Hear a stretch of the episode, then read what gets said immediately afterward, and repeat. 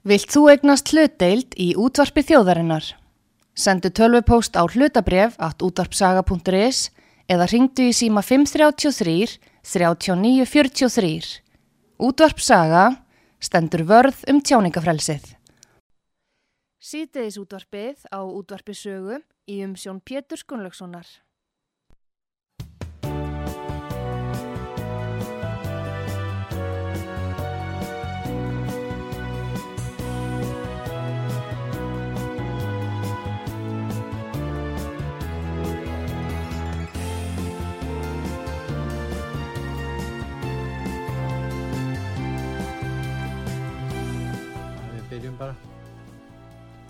Góðir uh, hlustendur, er að hlusta á útvart sögu. Ég heiti Pétur Gunnlaugsson og gestur minn í þessum þætti er fyrirverandi dómsmálar á þeirra Sigriður Andersen. Velkomin. Já, takk fyrir. Nú í dag er fullveldistagurinn. Já, og gleðileg hátíð. já, og uh, hvað finnst þér að svona fullveldið og sjálfsákvörnunar eftir þjóðarinnar hafi fært íslensku þjóðarinnar? Já, ég held að hann hafi nú fært uh, auðvitað bara hagsældina. Uh, Já, hagsældi sé tengt því. Já, ég held að hún sé það nú. Ég held að það megi, megi fullir að það. Það skipti auðvitað hverju, hvert, skipti mjög miklu ríki, má, miklu máli En fyrir hvert ríki. ekki- nú trúa með því ekki. Menn segja að það er allt í lagi að vera bara í ríkja tengslu við aðra og, og þjóðríkið kannski áhrif þess minga að hverfa og, og þetta, það hafi ekki átt þátt í því. Hvað segir þetta? Já, já, það er auðvitað svolítið ríkjandi, já, það er auðvitað kannski svolítið tísku núna auðvitað að taka þátt í alþjóða samstarfi og svona og ég er nú hlind því, uh, menn að ríkið auðvitað fullvalda ríkið að gera það. En uh, menn verða líka að vera varðbergi fyrir því að slíkt samstarf gangi ekki á fullveldið. Fullveldið hvers ríkis. Það getur mjög auðveldlega gert það. Mm. Þegar að menn til dæmis taka þátt í, já eins og sko varnabandalæginu sem að við erum í í NATO og ég tel nú hafi verið hagfælt fyrir okkur og, og sé mjög nöðsynett svona litlu ríki eins og Íslandi. Það, var ekki, það var ekki skerðing á fullveldu. Nei, en, en ég segi bara, en slíkt, það gæti alveg orðið með einhverjum hætti ef að menn til dæmis tækju upp einhverja dómstóla þessum vettvangi eða, eða annað slíkt. Uh, og við eigum náttúrulega í svo ofbáslega mörg, margvíslegu og margskonar uh, alþjóðasamstarfi, ýmsum toga og það er svona, það gengur kannski misnærri fullveldinu uh, þetta samstarf og uh, náttúrulega samstarfið á vettvangi EES, hinn Evróska efnahagsvæði það er auðvitað það kannski svona það veiga það, skerði það ekki fullveldi Íslands á sínum öttu? uh, Einhverju leiti þá? sko það átti nú ekki að gera það í upphafi það var Nei. skrifað undir, undir það að það er ekki gert uh, Svo eru fenginni lögspekingar til þess að meta það að þetta væri ekki mjög mikið frávik frá hérna einmitt sjáða fullveldi Íslands og þar með væri það heimilt að það veri afmarkað og tímabundið og svona afturkallanlegt. Já. Það búin til einhver fræðileg leið Já, til þess að réttlæta Já. framsalið. Ertu sammála því hvað þetta verið það gert? Þannig? ég, ég er sammála því að það var nöðsynlega að gera það að við myndum til dæmis ekki verða sett undir dómstól Evrópusambandsins í samningsbrotarmálum sem kallað, kallið eru heldur var settur á laggirna sér dómstól sem að Íslendingar reka og þeir sem að þau lönd sem að eru ekki hérna, eh, Noregur og Líknastæðin sem ekki eru í Evrópusambandinu. Þannig að það var nöðsynlega að gera það. Síðan er þetta alltaf spurningin sko uh, að því það er alltaf að segja já við getum auðvitað alltaf farið út úr þessu sambandi. Í því fælst þetta fullveldið að við getum alltaf farið og okkur ofbýður algerlega reglutna sem okkur er gert að innleiða þá getum við auðvitað bara sagt okkur úr þessu. En uh, það, er, svona- það er fræðilega En staðrindin eru við ekki eins og vel efnahagslega? Jú, ég er að segja það, það er svona fræðilega staðrindin sko. en hversu raunhæft það er að ríki gerir það, við höfum nú bara hort á, á uh, uppsetning á slíku máli í varandi Brexit og, og breyta og það er nú stórveldi og það hérna, hefur nú tekið mikinn toll og þá er ekki meina bara fjárhagslega heldur bara svona sálrænan uh, að ganga úr þessu sambandi. Þannig að hversu, hversu raunverulega mögulegt það er að ganga út og, og standa þannig á fullveldi sínu það má alveg uh, ræða það hvort að það sé fyrir hendi. En það er fyrir hendi, við skulum halda því til að það er samt fyrir hendi. Uh, en ég held, ég er nú þeirra skoðunar að, að þáttaka í ES hafi nú svona mestu leiti kannski verið til hagspóta fyrir Íslendinga og uh, einhverju leiti má þetta taka undir það að mar marga reglur sem hafa komið sem við höfum þurft að innleiða hafi verið uh, sko jákvæðar, jákvæð þróun hér á Íslanda í margurslegu tilliti það er, og það var auðvitað bara pínlegt og að mörguleiti óþólandi að uh, íslensk stjórn, íslenski stjórnmálmenn hafi ekki haft bara forgöngu um þær breytingar. Það hafi alltaf þurft að býða eftir þessu innlega þetta frá öðru, frá þessu, úr þessu alþjóð samstarfi. En þetta, en það kannski er svolítið að breytast núna með bara auðvitað tækni, menn fylgjast betur með þróun og, og allt það er orðið svona uh, allt meira svona dýnamískara, hreyfanlegra í stjórnsýslu og stjórnmálum Mm. Þannig ég held að aðstæður í dag séu aðrar og ég held að stjórnmálamenn séu miklu meira vakandi fyrir því að eh, laga það sem laga þarf í lögjöf til dæmis heldur um að hérna áður fyrr þegar að menn kannski bara byðu þess sem verða vildi og, og endan var það bara þannig að menn þurftu innlega einhverja reglur. Nú er ég ekki að tala um einhver sérstaklega málaflokka eitthvað svona bara heilt Nei. yfir. En nú er það þannig að Jón Baldvin Hannibalsson sem var nú helsti barðum maður fyrir því að við færum í Európa-sambandið og þekki þessi málu mjög vel. Hann eh, segir að bæði landbúnaðmálinn og málinn er varða orkuna. Það hefði ekki verið hugsað þegar hann gekk frá þessum samlingi að þau væri jafnstór að verða stafnstór hluti af efn, Evróska efnarsvæðinu eins og er að gerast í dag. Hann var, til, hann var til dæmis Jón Baldur, hann kom til okkar og var hérna í nokkrum þáttum hann var alltaf eins og móti því að samþykja orkubakka þrjú. Já, ég er alveg uh, sammála því að þegar að Þá erum við að tala um skerðingu. Við erum að tala um að það sé farið út fyrir þann ramma sem við samþyktum á sínu tíma og þingi samþyktu og nú er farið að ganga lengra það farið að miða í, hann sagði það Jón Bjarnason að það var verið að breyta eh, landbúnaðarrandi til þess að það aðlagast betur hennum evrósku reglum og við veitum hvernig henni er með ramagnir mm -hmm. þannig það er unnið að þessu mm -hmm. markvist að bara raun og vera aðlaga okkur að Evrópsamöndum í meira mæli en við gerðum þegar við skrifum undir uh, sáttmálanum aðelda Európska efnarsvæð. Já, ég er alveg sammála því og hann kannski, auðvitað Jón Baldin og fleiri auðvitað stjórnmálamenn sem að voru á vettvangi á þeim tíma ættu nú mitt að tjá sig kannski meir um það. Þeir hafa auðvitað nokkru verið að gera Davíð, það við lítur að vita þetta líka. Já, en ég held að og það blasi nú, ég held að það sé nú bara þannig að menn hafi kannski gjátt að segja á hvað sem kannski líka umfangsmikið þessi málaflokkur yrði landbúnaðar málinn voru auðvitað bara eins og þau eru út um allan heim bara einn stór svona niðugreðslu hérna ríkisrekstur sko, hann er það, það í öllum löndum og menn hafa kannski bara haldið að menn eru bara sáttir við einhvern veginn að loka sig alltaf inni en nú eru bara kröfutan orðnar aðrar. Uh, almenningur ferðast uh, út um kvipin og kvapin og gerir bara kröfu til þess að kaupa til dæmis erlendar vörur uh, hérna þegar því hendar án þess að þurfa að borga sér kvítun ára augunum sko, mm. fyrir einhvern útlendan ost. Og þá er ekkert og þá eru menn samt ekki að halla neinu á íslenska landbúnaðar íslenska landbúnaðar afur, menn vilja bara hafa þetta val og uh, íslensku landbúnaðar til dæmis uh, nýtur velvilja, mikils velvilja og, hjá almenningi og hjá neytendum.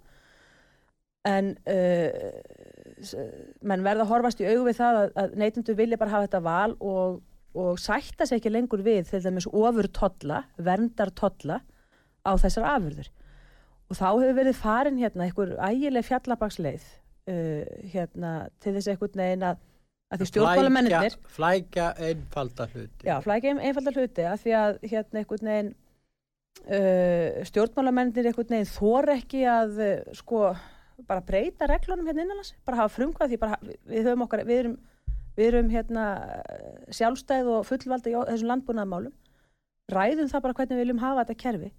Þá er einhvern veginn farið í kringu þá er samningurinn notar til þess að, að koma í gegn breytingum sem að stjórnmálamenn Treysta vilja, treysta sér ekki til þess að, til þess að, að segja að, þeir eru að varpa ábyrðinni frá sér Já. yfir á Evrópusambandi á Evrópusambandi og, og EES-samningin og það er ekki sangjant gagvart uh, EES-samningnum uh, og, og sko, svo er náttúrulega þessi orkupakki þrjú, ég trúi nú ekki að ég sé að hérna, mæta til ræða þann hann hérna núna er loka ást 2021 en hann, hann, lengi, hann, hann gefur lengi af sér. Uh, og það er alveg rétt sko þessi orkumál sko eiga auðvitað ekki undir, undir EES samningin nema að því leiti að menn ætla að fara að selja þessu orku á markaðin sem stendur ekkert til en þar var farin líka þessi leið eins og til dæmis bara að, já mér minni það nú er bara farið að ferna yfir þetta það var farin svo leið að stopna nýja stopnun sem að mm. Íslandingar gætu fælt sér við, úrskurðastofnun á vettangi EES samningsins varðandi orkumál ef upp koma einhver áleita efni varðandi orkumál. Og við erum að tala um þetta, það hefur ekkert neina sölu á orkunni að gera hana, þetta lítur að tæknilegum stöðlum hversu miklu spennum á við kannum ekki að lýsa þessu, að það kemur til þessu upp ykkur ágreiningur á milli landa þannig að menn get ekki sendt mismundi spennu á milli landa og svo leiðis, þetta áæður ekkert við um Ísland, eins og staðin er í dag þannig ég hafði engar áhyggjur og hef ekki held, ennþá áhyggjur af þessu þriðja orkubakka, ég hef haft miklu meiri áhyggjur af uh, orkubakka sem má kalla orkubakka fjögur, hann heitir Já, það ekki nei.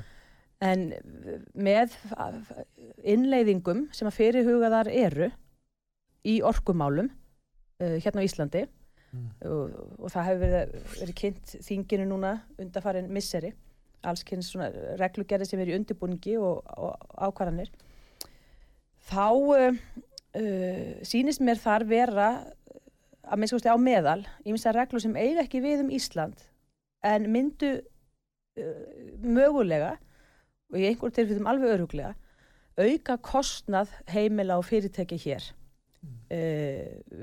ef við ætlum að uppfylla þessar reglur og þess vegna hef ég svona goldi varhug við því að menn séu í einhverju samfloti og þetta hefur ekki með EES-samningin að gera þetta hefur ekki með EES-samningin að gera Þetta hefur meira líka í, að gera með eh, samst, samstarf sem að Ísland ákvað sjálft og óstutt og nýtti sem fullveldisrétt til þess að gera, að við farið samstarf með Noregi, og ég líka hiss á normönum að gera það, uh, sem að fóru í svona tvíhlega samstarf við Evropasambandið varandi losun gróður og loftegunda. Og það þær reglur þær eiga bara ekkert við hvorki Íslandin er Noreg. Þannig að það voru mistök uh, að, að Íslands hálfu að, að ganga í það. En mun kalla á innleiðingar á allskynnsreglum frá Evropasambandinu sem að með engum hætti er þetta að segja að eigi við hér á Íslandi. Þannig að en, en uh, þannig þetta er einhver orkupakki sem mann og ekki svipin hvað heitir. Uh, þetta er, menn kalla þetta ekki orkupakka fjögur eins og ég segi Normenn alltaf taka afstuð til hans á þessu kjörti að komi nýri ríkistjóta sem er ekki einslitt uh, aðeins að Európsambandi því að miðflokkurinn er komin í stjórn hjá, mm -hmm. í Noregi mm -hmm. og útilokka að vita hva, hvernig þeir taka á þessu. Jú, ég hef eh, átt samtöl við norska stjórnmálamenn og spurt á bara í svona einlegni uh, eh, akkur þeir hafi ákveðið að fara í samstarfið Európsambandið um samdrátt gróðsólóftegunda þegar að Noregur eins og Ísland er nú þegar með svo ofbáslega hátt hlutfall af endur nýjanlega orku. Já. Og uh, menn hafa nú alveg viðkjönda fyrir mig þetta er bara auðvitað einhvers konar svona uh, þetta er bara auðvitað uh, minnum átt að kenn já, þetta er, þetta, er ákveðin svona líka óljuskömm sko af því þeir eru mikil óljuvinnslu þjóðu auðvitað eins og menn þekkja. Og verða það eitthvað áfram og þeim finnst það eitthvað þá, þá þurfum við að taka það til þessum þetta er tvent, að, er, þetta er tvent aðskilið samt, óljuvinnslan Er þetta sagbitinn þjóð? Það hljóma svolítið þannig þegar að hjá þessum fyrirvendi kollegum Svona eins og þjóðverðir út á fortíð sinni. Já, það, er, það getur margt spilað inn í ákvarðanir af þessum toga. En, en ég segi eins og, en eins og ég segi Ísland eru þetta uh, hérna, fullvalda þjóð og hún á að halda því til haga og hagsmunum sínum á hvarvetna og hvívetna í hvívetna. Uh, og það er gott að nota þennan dag til að rifja það upp og það á við um EES-samninginu og uh, eins og alla aðra alþjóðsamninga sem við um aðelda. En nú höfum við stjórnmálaflokk á Íslandi og stjórnmálamenn sem vilja við göngum allu leiti í Evrópsambandiru og... Uh, Fer þeim nú ekki fækandi, ég hef nú ekki heist já, það. En, en, en, en sko ef við lítum á þróunna, því að þetta viljum við öll að, að Evrópu gangi vel, hvað sem við erum linda aðeld Íslands mm. Evrópsambandir eða ekki Hvernig finnst þér, svona sem stjórnmálamanni, hvernig finnst þér ástandið hafa verið á þessari öld í Evrópu? Þetta valdi miklu vombriðnum, það sem er gerst lítill hagvöxtur, sumstaðar algjör stöðnun, Já, það, helst, það helst ríkuríki eins og Luxemburg sem er svona með sérstöðu og kannski hollitingar sem er með sína lágu skatta og fyrirtæki. Það er svona einhver eh, sem ríki sem að hafa það svona sæmilegt þarna. Bólverjar hafa líka staðið sér vel og komast frá sinni fornu eimt sem þeir byggu við í kommunismannum. En eh, ef við lítum á, heldina þá, þá lítur þetta ekkit vel út.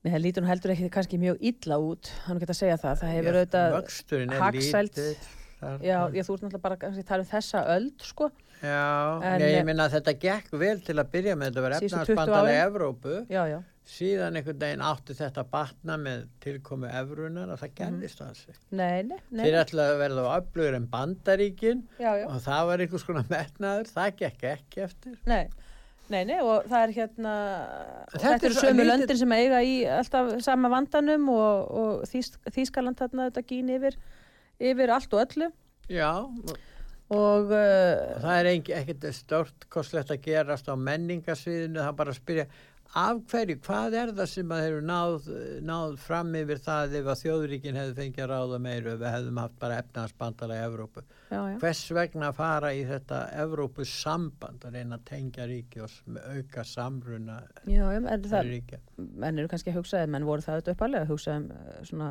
reyna stóðum undir, undir frið Já, Og þá kannski líta þeir menn á- voru farnir að koma með, með, með, með, efnarsbandalæginu, þá voru þeir að góðri leið með það. Já, Þetta já. var friðvænlegt og það er alltaf allir í NATO líka. Það- það hjálpar, en það er auðvitað líka kannski ekki uh, vænlegt til árangur sko ef að menn síðan hægt að keppa sín á milli, ef að löndin hægt að keppa. Og það er verið að fletja allt saman það. út. Já, þannig að uh, öll, öll ríki, öll lönd hafa nú eitthvað til sín sko, eitthvað, Mm. eitthvað, eitthvað kosti og eitthvað, þótt að þessu ekki allir jafn hefnir og við að hafa þessi miklu náttúruauðlindir mm.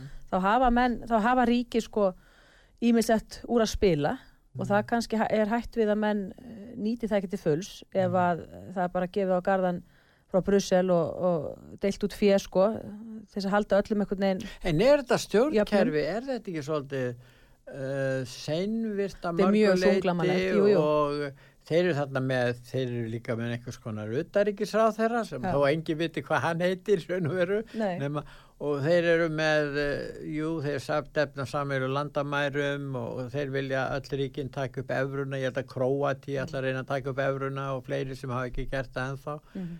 en ég meina þetta gengur bara illa og svo þeir eru að taka ákvarðin við sjáum þetta greinilega hvert Pólandi og Ungverlandi þá rýsa þeir upp gegn þeim og vilja segja þeim fyrir verkum en svo lenda pólverið í vandræðum kakvat kvítrúsum og þá verða, verður Európa-samband að styðja náttúrulega pólverjana Mhm. í hörðustefnu sinni að verja landamæri Já. kakvat kvítrúsum þannig að það eru svo margar mótsagnir í þessu og mjög miklu á þetta apparat allt saman sko Evrópu þingið Evrópu ráðið sko. Evróska ráð sko, ég er ekki að tala um Evrópu ráðið Nei, sem nei. við erum í, heldur við Evróska ráð og svo er framkvæmdastjórnin Já.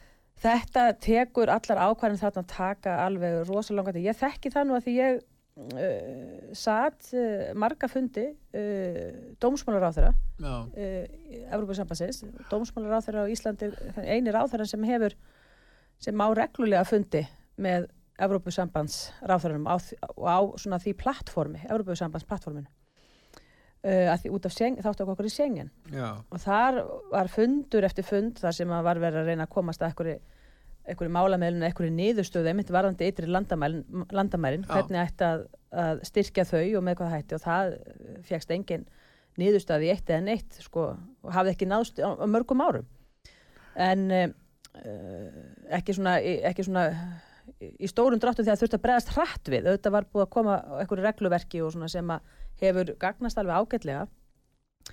Og ég vil nú halda því til haga eins og ég saði nú kannski áðan að það er, sko það er ekki alla reglur sem eru fundnar upp í Brussel sem eru alveg ómögulegar, alls Nei, ekki, þær eru bara nei. margar ágættar Já. og uh, það er ekkert sem segir að hvert og eitt ríki hefði ekki geta fundið upp á þeim sjálft eða innleitt þær búið þær til að sniðið kannski líka eftir sínum hatti um, en svona samstarfið, ég myndi nú segja að þetta skiptir miklu máli fyrir hagsalt þessara ríkja líka samt þessi frjálsaför uh, vinnuafl svo millir landa og frjálsi fjár, fjármagsflutningar og þetta er auðvitað þessi, af þessu fjórfrelsi sem við höfum með EES-samningnum svo uh, ég myndi nú segja sko og ég segja þannig stundu við um eitt vini og vandamenn í Evrópusambandinu sko að Ísland hefur í rauninni alltaf besta úr þessu samstarfi þar að segja með EES-samningnum sko. Mm. uh, hefur þessi, þetta fjórfrelsi uh, en sleppur hins vegar við við dómstólin uh, og ríkisfjármálin og skattana og allt þar uh, sem, fylgir Európusambandinu Já, þeir fá líka ekki mann í framkvæmda stjórninni og svona Nei, en myndi það er einhverju skipt eins og ég segi, nú hef ég setið þess að fundi með þessum ráþurum og ég held að skipti ekki nokkru máli hverju sitið þar Nei. og jáfnvel þótt að þar hafi setið mjög öflugir ráðferðar frá ýmsum löndum, það er kannski einn eða tveir sem að láta mjög mikið til sín taka uh, þeir fá litlu haggað á mörgum, mörgum árum Já, Nei, við skulum snú okkur að þessari nýju ríkistjórn sem að var sett á laginnar og, og, og málefnasamningi. Hvernig, hva, hvert er þitt álít á þessu ríkistjórn? Ertu ánægð með uh, þessa stjórn, tólmanna ríkistjórn?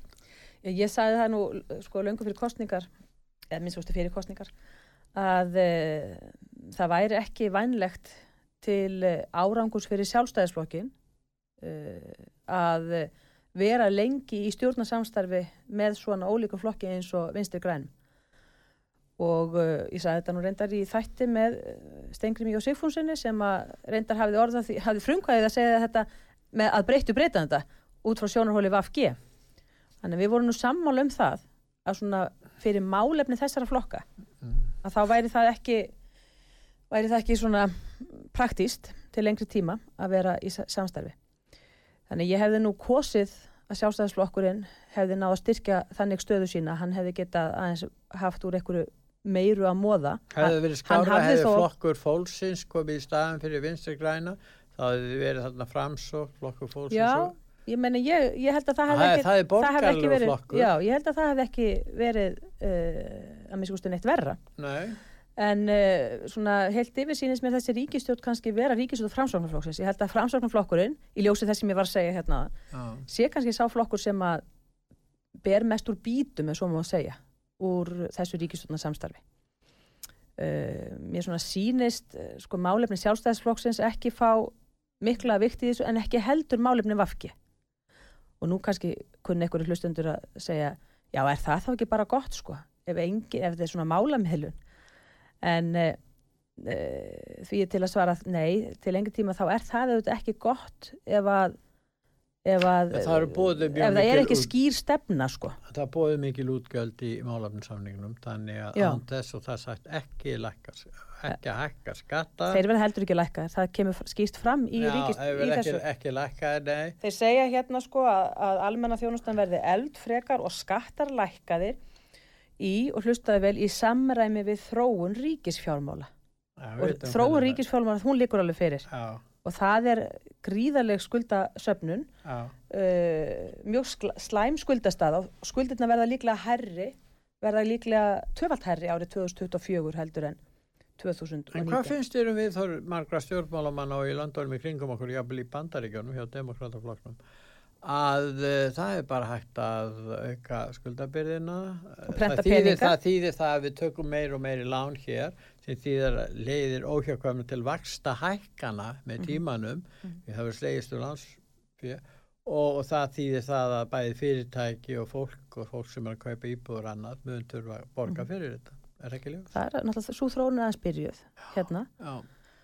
og uh, nú fjármálaráðunum voru bjart sitt ná að þetta uh, hérna svo alltaf er kannski tengist að því að uh, ég hjó eftir því, ég er ekki búin að lesa ég er ekki búin að lús lesa þannig ríkisvölda sáttmáli en ég hjó eftir því að, að það var svona að taka endur sko, endur sko að seðlabanka umhverfið og, og hvað svona fyrirkomulega það, ég veit Á að að ekki minka völd hjá Sælabanka? kannski tengist það eitthvað eitthvað þessu að menn geta, geta lesið að vera bjart sinni, ég veit ekki, en fjármálaráð á á að vera, þá að styrkja það, þar að segja fjármálaráði sem að nú er þá með ykkur hægt að styrkja það, þannig að það geti gefið hlutlaust mat á, Eða þeir geta afskipta Já. vöxtum eitthvað svona? nei, já, ég veit, ég veit en ég, ég, nú þekki, það er bara, ég veit það ekki, þetta er Nei. svona, sko, sáttmálun er 90 síður, sko, Já. og hann er, uh, það voða lítið kannski hægt að festa fingur á hvað nákvæmlega menn eiga við, Eins og er svona í sammenningu. eins og er, sko, uh, þannig að hérna, nein og menn eru víða um lönd bara að prenta peninga til þess að standa undir, undir Já, auknum útgjöldum vegna, og kallar- það auðvitað er er bara verðbúka og það er bara verður rýrnum. Þannig að, Og það er nú vesti, það er nú eina vesti skatturinn, það er já, og það er sko kannski það sem að heilt yfir að því annað auðvitað ríkisvöldum sáttmálum auðvitað vilja allir bæta heilbreyðstjónustun og það er gert ráð fyrir því, hent eh, nokkur miljó, miljónum eða hundru, nokkur hundru miljónum í í uh, einhverja vegna COVID-þjónustunar og svo leiðis gott og vel sko ég þreyti samt ekki á að minna sko að það, það eru líka aðri sjúkdómar í gangi og það er önnur þjónustan sem þarf að veita sko En þetta- það fara það. 13 miljardar bara á næsta ári og það er fyrir þetta þessi sveita fyrir Já. að leggja til og enga geirin og lífyrirsjóðnir 13 miljardar ríkisjóði til lofslagsmála. Og er þetta það er náttúrulega krafa vinstri græta. Þarna út að tala um þetta ólíki flokkar. En Mhm. ég veit ekki einlega hver er afstæða sjálfstæðismanna til þessara mála hvort að þessi hafi sömu skoðun eins og vinstri grænir í dag hvort þessu en þannig að ljóst að vinstri grænir vilja leggja bara ná eins miklum peningum eins og hægt er í þannig málaflokk. Já, þú, ég veist mér sko mína skoðun á þessu, ég held ég hann eftir maður rætta hérna að, uh, og það er bara hoggið í sama uh, knérun í þessum efnum í ríkistjóðasáttmálanum, þar að segja, menn ætla að halda sig við það að, að draga hér úr losun uh, sem er á ábyrð ríkisins, eins og er orðað. Það skiptir svolítið máli. Draga úr losun sem er á ábyrð ríkisins uh, sem að gera það að verkum Já, losun sem er ábyrð ríkisins er bara lítið hluti af allri losun Íslands. Og þetta gerir það að verkum að það er bara vera að draga úr losun bara um mjög lítið sko, nokkur prósent sko. En það er hins vegar vera að tjalda mjög miklu til þess að draga úr þessari losun. Mjög miklum peningum og ég eh, hef hérna, ég veit ekki hvort þú mannst eftir því en ég fekk svar í haust eh, við fyrirspurt sem ég lagði fyrir fjármálur og spurði hvað menn hefðu verið að fá fyrir þessa peninga sem þeir eru að leggja í loslasmálin uh, hinga til og hvað þeir sæði fyrir sér að fá fyrir þann pening sem þeir ætlu að leggja, í, leggja í þessi loftslagsmál þessar miljardar sem þeir ætlu að leggja á næstu árum í loftslagsmálin. Mm. og ég fekk, svari var bara mjög skýrt og menn geta fundið þannig heimasíðinu minni, sigriði.is bara svo skýrt bara, við, við höfum ekki upplýsingar um hvað erum við að fá fyrir hennar pening. Þetta er auðvitað graf alveg mál. Eitt, eitt er það eitt er það að taka ákvörunum að draga svona úr losun uh, úr þessari losun í ljósi þess að Ísland er nú þegar með 90, 80-90% endurlýjar orku. En gott og vel ég skal uh, sko rökraðana vegna þá bara skulum ekki, ekki þrátta um það. En þegar að menn eru búin að taka ákvörunum samt þá að draga þessa, úr þessari losun þá er það auðvitað skilda stjórnvalda að gera það með sem, með sem hagkvæmustum hætti með hagkvæmustum hætti. Og uh, það liggur bara fyrir að menn vita ekki hvað þeir eru að fá mikinn samdrátt fyrir hverja krónu sem þeir leggja inn í málið og þá þýðir bara ekkert að ana svona áfram. En er það ekki vandamálið í sambandi við svona málefna sáttmála um, eða stjórnarsáttmála eða hvað sem við viljum kalla þetta að það, það er engin kostnæðar áallin sem fylgir lofur nei, nei, það er það, það er vandið við Það líka stjórnmálin eitt og í ég dag. ætla nú að hjálpa þeim aðeins við það því ég hef verið aðeins að skoða hvað kostar einmitt að draga úr losun uh, uh, hvað, hérna, hvað, úr, úr einu, hverju tonni af losun. Já, og hef verið að hérna, þar að, ætla að byrsta um það greinun og heimasínu minni í þessari viku. Og uh, og bera saman ólíka kosti. Það er til dæmis sko, kostna ríkisins við að, að kólefnisjafna eitt tonn með skatta ívilnunum fyrir rafbíl, hvað kostar það sko? Og uh, uh, hvað getur við fengið með skóræktinni, hvað getur við fengið með endurhend votlendis? Uh, hvað fáum við með skatta ívilnun uh, lífeldsneitis og þar fram til göttunum þannig að þetta finnst mér skipta máli að stjórnvöld uh, leggja áherslu á. Ef þeir ætla að fara þessa leið að draga svona mikið úr losun sem ég er enda að gera aðtöðsendu við en ef þeir ætla að gera það þá er það frum forsend og frum skilurði að menn gerir það sem, með, sem hagkvæmustum hætti og fara ekki dýrustu leiðina í því, heldur ódýrustu leiðina. Og ég ber nú mikla voni til nýs umhverfisráðra í þessum efnum sem að fer líka með lofslagsmálin já. Guðlús Þórs í þessum efnum að hann láta ekki að hann svona nái fókus á En- aðalatirinn í þessu Þetta eru trú, þetta eru svolítið þetta er, Já.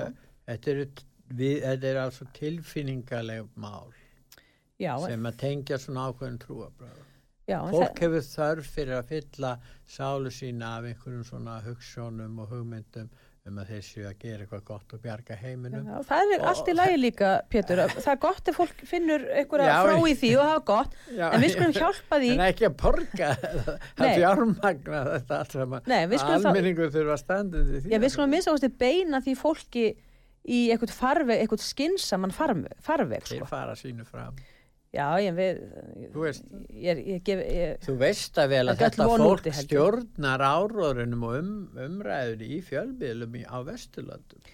Það er alveg sama hvort þú opnar bandarískan fjölmiðl eða breskan, ég tala það ekki hefur um franskan, það, þar eru allir með sömu skoðun og ef einhver anda yfir svona málum, við tölum kannski eftir í sambandi við, við COVID, en það er alveg sama, þá bara eru menn uh, teknir fyrir og, og menn leggja ekkert út í það en bara fylgja henni hefð eða svona Mhm. skoðun sem er talin vera rétt. það er alveg rétt.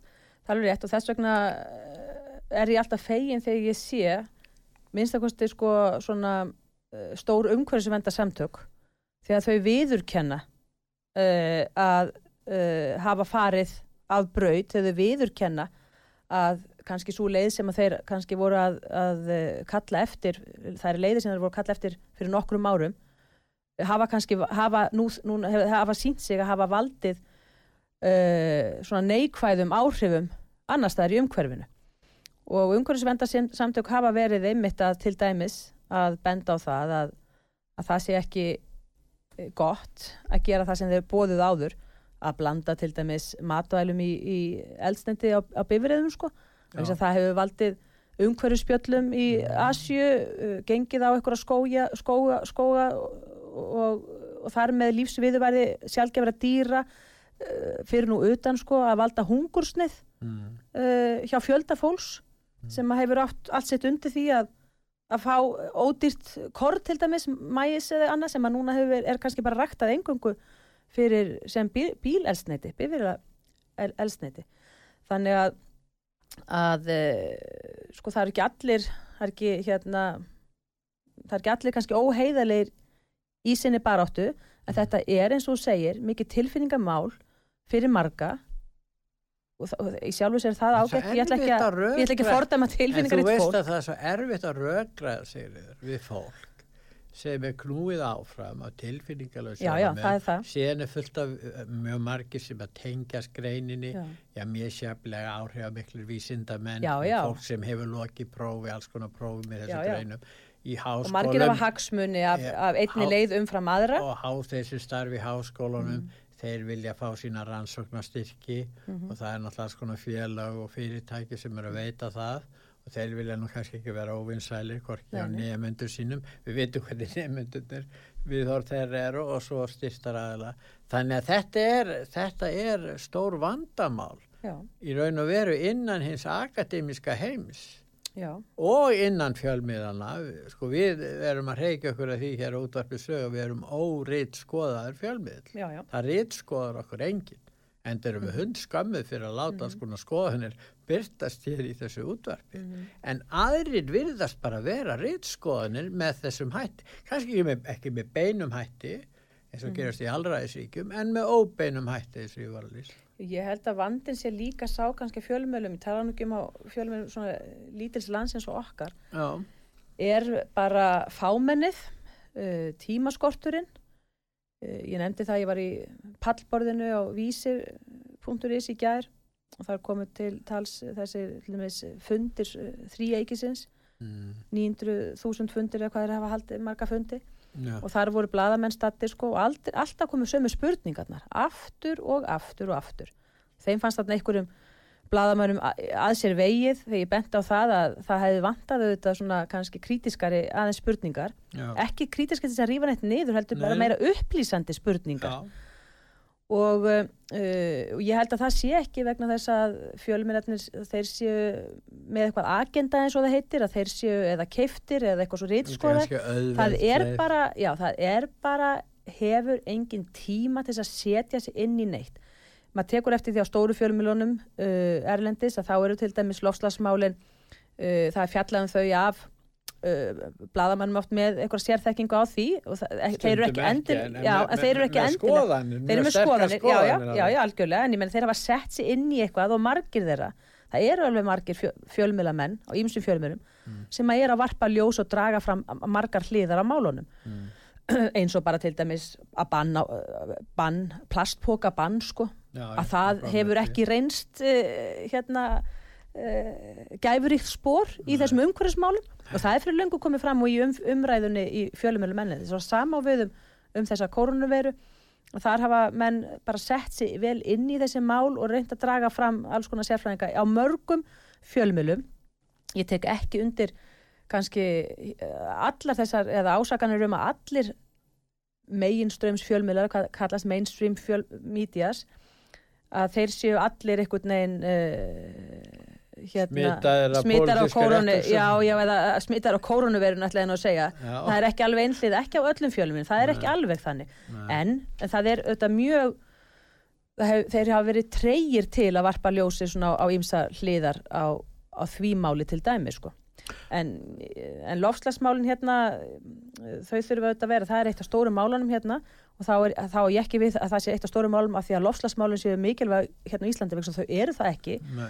og fullinningar og það breytir engu hvað við gerum. Nei, við, við breytum engu í þessum aðalatrið er það að fullinningar eru í stjórnarsáttmálunum og, og þetta talum að Ísland ætli að verða leiðandi í Já, það, orkuskiptum er- það, er nú svolítið það á bara ekki við vegna þess að Ísland er nú þegar fyrir löngu orðið leiðandi í orkuskiptum.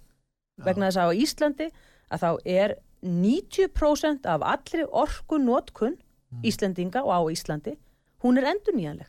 Þetta hlutfall er 90% á Íslandi þetta hlutfall er 15-17% í löndum Evropasambansins og þeir eru að gera sér vonur um að ná þessu upp í 30% þannig allt talum að Ísland ætli sér að vera leiðandi er bara, ef ég má sletta old news Góðir hlustendur, þið er að hlusta á útvarp sögu. Ég heiti Pétur Gunnlaugsson og ég er að ræða með Sigriði Andersen. Hún er eh, fyrirverandi dómsmálur áðra. Nú við ætlum að hlýða núna á ölsingar og eftir ölsingar hlýða þá höldum við umræðinni áfram.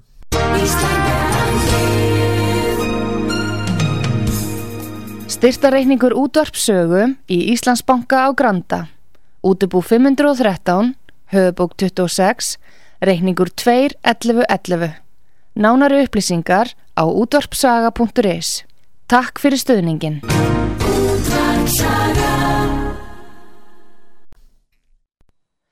Sýteðis útvarpið á útvarpisögu í umsjón Pétur Skunlökssonar.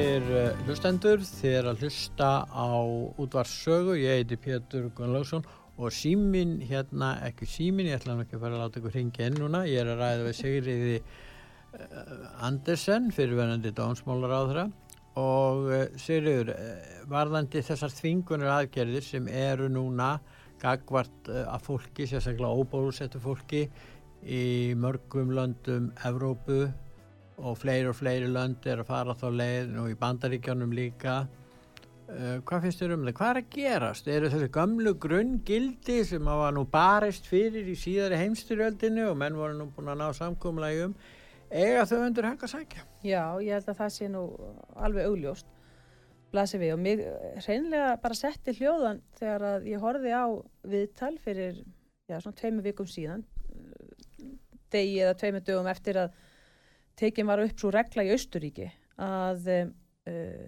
þar skildu óbólusettir uh, dvelja bara heima hjá sér, ekki með að fara út nema til þess að stunda vinnu, þeim máttu það nú reyndar og uh, vesla nöðsynir En nú á þingað á til 1. februar. Já, og, og þetta, þetta er og ég, og það var hérna í sjónastætti var tekið viðtal við fólk út á götu þar og mér fannst það bara, ef ég að segja alveg svo er Pétur, óhugnanlegt að hlusta á fólkið sem þarna var, af því þetta var leit nú bara út venilegt svona borgarlegt fólk uh, hérna ekkert æsings fólk en því fannst það bara alveg sjálfsagt að loka þarna inni uh, hluta þjóðarinnar. Svo var það, þetta, hefur það komið í ljós var alltaf hjákáttlegt að, að þetta fólk mátti ekki fara á veitingastæðina til þess að setjast þar niður og borða en það mátti þjóna hinnum sko Já. sem að fóru þangað inn. Já, já. þeir máttu sækja sína vinnu. Þannig að þetta- í þannig að þetta, þetta var óþægileg hérna, þetta voru óþægilegar fréttir og uh, þeir hafa nú eitthvað hor, horfið frá þessu og, held, og sett alla sko undir lockdown í Austuríki ekkur leiti ef ég hef skilið nýjustu Ráð fréttir þeir rétt. búin að samþykja það að það eigi að skilda bólusetning 1. februar og ef, þú- ef þú ferð ekki bólusetningu þá get, er hægt að sekta þig um 750.000 krón Já. þetta uh, að mínum mati bara stennst ekki uh, þau mannréttinda uh, þau, þau mannréttinda sjónamið sem að ég veit að Östuríki og Östuríkismenn uh, vilja að sé, haldi, að sé haldið til haga. Það er í landi eins og annar staðar. En þetta finnst mér afskaplega óþægilegt og svo hafa þetta fleiri fleiri lönd núna verið að um, getur, bregðast almenningu, við. getur almenningu treyst á dómstólan í þessu máli? Ég er ekki viss um það. Ég er alls Nei. ekki viss um það. Nei, en, en, en talandi um það vegna þess að bandaríkja menn hafa gengið mjög langt. en svo, en svo því að sé haldið til haga sko, þá hafa hundruð þúsunda austuríkismanna farið út á götur og Já, mótmælt þessu. og víða og það er bæði bólusettur og óbólusettir. Þannig að sem betur fyrir nú eitthvað fólk sem að blöskar þetta en ég sá nú bara þetta viðtal þetta og bara tekið svona vennilegum degi við Maríu Hilfistrasse í, í Vín. Uh, og, og, veist, og þetta það setti bara einhvern óhug að manni að horfa á þetta. Og svo má líka segja, ég menn þetta er þetta í, svo sem í, í stíl við lockdown sem að hefur verið í mörgum löndum nema þetta er kannski uh, þetta er þó frábúrað því leita þannig verið að svona vega að einum hópi manna sem að einhverju hluta vegna vill ekki bólusetja sig. Og menn geta haft mýmsar ástæði fyrir því og menn geta verið sammála því heilsufars- ósammála, já alveg sama hvaða ástæði það er eru, en þá uh, er langt seilst að uh, ætla að svifta þetta fólk grundvallar mannréttindum sínum með þessum hætti eins og þarna er gert. Og uh, uh, það þýðir ekki að segja sko, getur þetta fólk ekki bara bólusett sig og hérna, loka, ég, það er á nota tækjafæri kannski til þess að nefna mjög góða grein í morgunblæðin í dag eftir hann Einar Þór uh, formann formann HIVF samtakan á Íslandi því að í dag er ekki bara fullilsdagur á Íslandi það er líka al- hinn alþjóðlegi HIVF dagur eða alnæmisdagur. Uh, það sem að menn nota tækifæri til þess að vekja aðtekli á, á þessum sjúkdöfum sem enn hefur ekki fundist bóluefni fyrir en hefur þó náðust að, að finna mjög góð lif uh, og hann er að rifja þarna upp framkomu uh, stjórnvalda og almennings Mm. uh, gagvart fólki sem greindist með HIVF veiruna á sínum tíma Já. uh, og hann er að, að rifja þau upp þetta átti ekki bara við um þann tíma þegar að menn voru í algjöru myrkri um hverslags, hvers, hverslags veira þetta var og hvernig hún bærist á milli manna heldur í áratugum síðar var ennþá uh, verið að, að uh, svona uh, já, krefjast eitthvað svona aðskilnaðar Mm. uh, alnæmi sjúkra, eða ekki alnæmi sjúkra heldur HIVF smitaðara Mm. og uh, það er alveg sláandi einmitt lýsingin hans hvernig svona orðræðan var gagvart þessu fólki uh, það mátti ekki ferðast á milli, milli landa lengi til ímsa landa og það er til dæla stutt síðan til dæmis bandaríkin uh, hættu að spyrja fólk hvort að það væri smitað af HIVF-verunni Mm. þetta er með ólíkindum.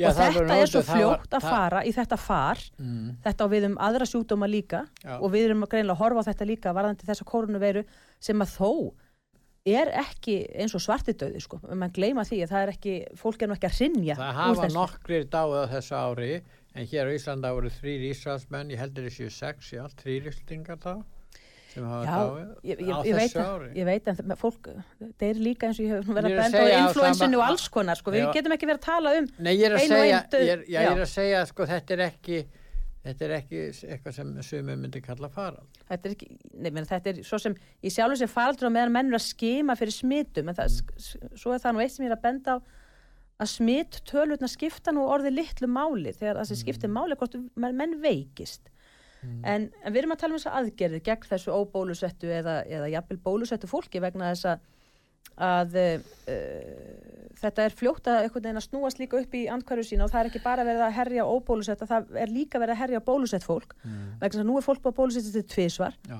og þá er það nú ekki nóg nei, og þá kannski að taka upp kórunupassa til þess að, og, fólk þarf þá að vera búið að bólusetja þrísvar sko. fyrir svo veist. örfunaspröð. Já, þannig að, að og ef að fimm. menn ætla, ég segi bara í fólk, ef að menn ætla að játa því að menn hérna að menn uh,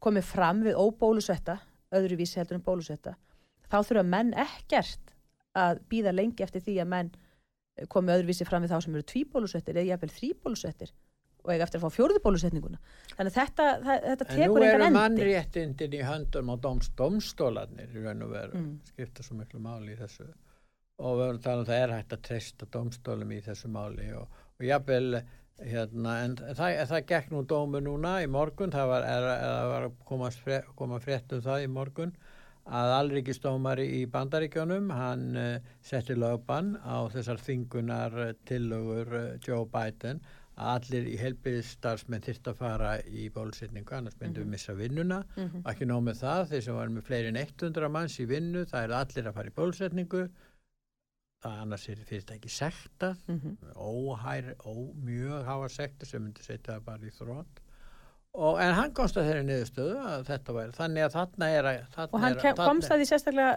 sérstaklega með vísandi þess, Pétur komst hann þeirri niðurstöðu að já, þessar niðurstöðu að uh, framkvæmda valdið gæti ekki tekið svona ákvörðun nei. og lísti verið hérna uh, ótímabundu neyðarástandi sko, eins Já, og þarna hafi verið ef gert. franganda valdun er leift að taka sér vald lögjafans til að sitja lög þá væri tvö af þremur valdsfríðum sem stjórnarskráma veitur okkur í sömu höndum.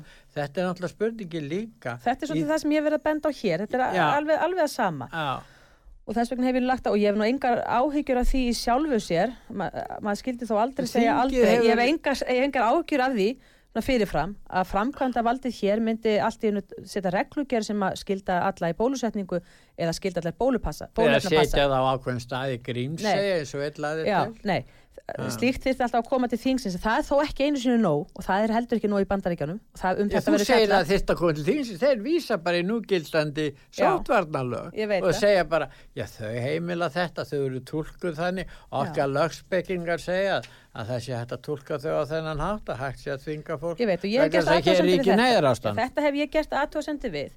Þegar það all, allsendis ófullnægjandi að menn uh, taki sér uh, þá heimild sem er mjög afmörkuð, mjög afmörkuð í sóttatarlögum fyrir ráðherra að, að tillögu sóttatarlæknis að grípa til tiltekina aðgerða. Þetta er mjög afmarkað og í mjög afmarkaðan tíma og það er löngu komið fram yfir það.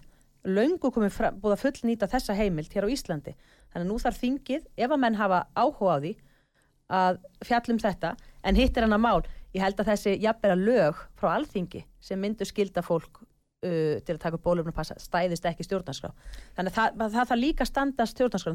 Þingi getur ekki sett hvaða reglu sem er. í, í bólusetning Nei, og fyrir utan það, fyrir, Já. utan, fyrir utan það, þá stæðist það ekki, stæðist ekki okkar stjórnarskrá, en mannréttindómstóllin í Evrópu, sem margir líta á sem alfa og omega Það íslenskrar, verður hægt að treysta honum nei, hann hefur nú þegar felt dóm rétt, uh, í máli pólskra foreldra já, sem að neita að bólusetta barnið sitt Já. og fengu sekt fyrir það Já. og fóru með það þanga og mannið dómstöld blésa á það. Þetta var svona í, í upphafi uh, koronaviru faraldursins já, og kannski voru þeir að gefa ætl, ætlu að vera snjallir og gefa skilabóð þannig að hérna, menn myndu nú fara í bólusetningu sko þegar að bólefni kemur út af COVID en uh, þetta að mínum að þetta stendst engan veginn uh, En grundalla það sem- sjónamið um, um, um hérna. En það sem gerist er þetta. Það er þjóðir núna að koma saman þar á meðal Ísland með Kanada og Ástralíu.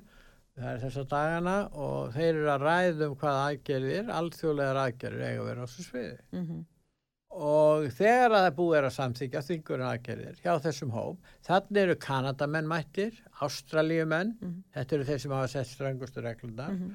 og svo fleiri þjóðverðin eru komnið þanga líka og, og fleiri ríki og, og bandaríkja menn verða þarna líka. Og Ísland er þarna líka.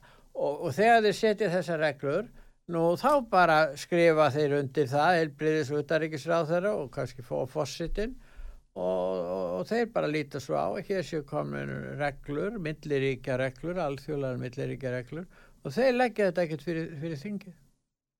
Þeir, það er óhjáðan að það, það þarf að gera það sko í þessum ríkjum uh, þótt ég þekki nú kannski ekki alveg hérna, stjórnarfarið þar en ég leiði mér að fullera það að þingi Jú, meiri sé að hafa, hafa dómstólar í Þýskalandi, stjórnarskrá dómstólar og aðrir, þeir hafa felt nú þegar dóma um það að tilteknar aðgerðir á tímum faratursins eins og útgöngubann og eins og ferðabann á milli hér að mm. hafi verið brot á stjórnarskroni. Það líka fyrir, og á spánu líka margir dómar á um það. Þannig að minn, já, spánu verið á Þýskaland og, og, og, og fleiri. Það hefur ekkert verið reynd á þetta, en Nei. sko höldum við samt aðeins til haga, þótt að við höfum kannski ekki mikla trú á dómstólunum endilega í þessu. Já, ég meina við sko, vitum ekki. En við höfum eitt dóm á Íslandi. Við höfum þó eitt dóm á Íslandi. Það sem að láti var að reyna á, það hefur ekki verið neitt láti reyna á þetta en það var látið reyna á þessa, reglu, þessa reglugerð sem að skildaði Íslandinga til að dvelja sóttvarnar, á sóttvarnarhótelunum uh, um tiltekinn tíma. Það var látið reyna á það og uh, hérastómur Reykjavíkur komst að þeirri niðurstöðu að það væri ekki fullnægindi laga heimild fyrir þeirri reglugerð. Og þeir dómi var ekki áhrif hann var ekki áhrif að, nei, af augljósum ástæðum. Uh, þannig að uh, við skulum ekki alveg afskrifa afskrifa alla dómara nei, landsins. Nei, við erum ekki að því raun og veru. En þetta ég er að tala um sko þegar þeir mæta þessir aðilar mm -hmm. á alþjóðlegu Já, já, ég veit að menn eru já. og þannig eru þeir samankomnir og, og komast á ákveðinni niðurstöðu og svo bara ætlast til þess að, að við komandi ríki fara eftir þessu.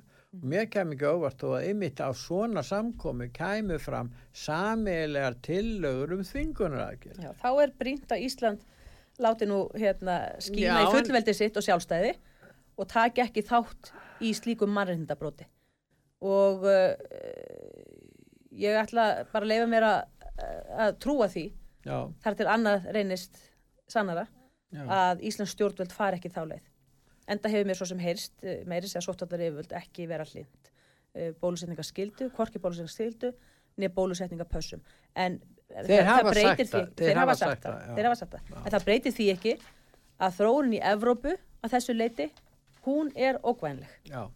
Og, uh, uh, og hún gæti haft hér auðvitað áhrif með allt öðrum hætti. Ég meina það er eins og ég segi þótt af íslenski fjölmennar flytt ekki, flytt ekki fréttir af þessum mótmælum sem eru orð, hafa verið í þessum ja, löndum. Við höfum gert það hér á vefsíð okkur út af sægaflónþurins. Já, en það er auðvitað alveg magnað að það hef ekki verið uh, sagt frá þessum hérna, mótmælum uh, svo nokkru nemi í öðrum fjölmjölum að uh, þá er það auðvitað ástand sem að er auðvitað kvíðvænlegt fyrir Íslandinga ef að það verður þannig í þessum löndum að þessi, þessi, þessi þessar sóttvarna aðgerðir eða aðgerðir í nafni sóttvarna, viljum kannski freka kalla það um allan heim og í Evrópu ef að það sem eftir stendur eftir það er eitthvað svona meirháttar polarisering í þessum löndum og óeining og uppþót og, og hérna eh, og upplifin manna margra á að hafa verið beittir einhverju harðræði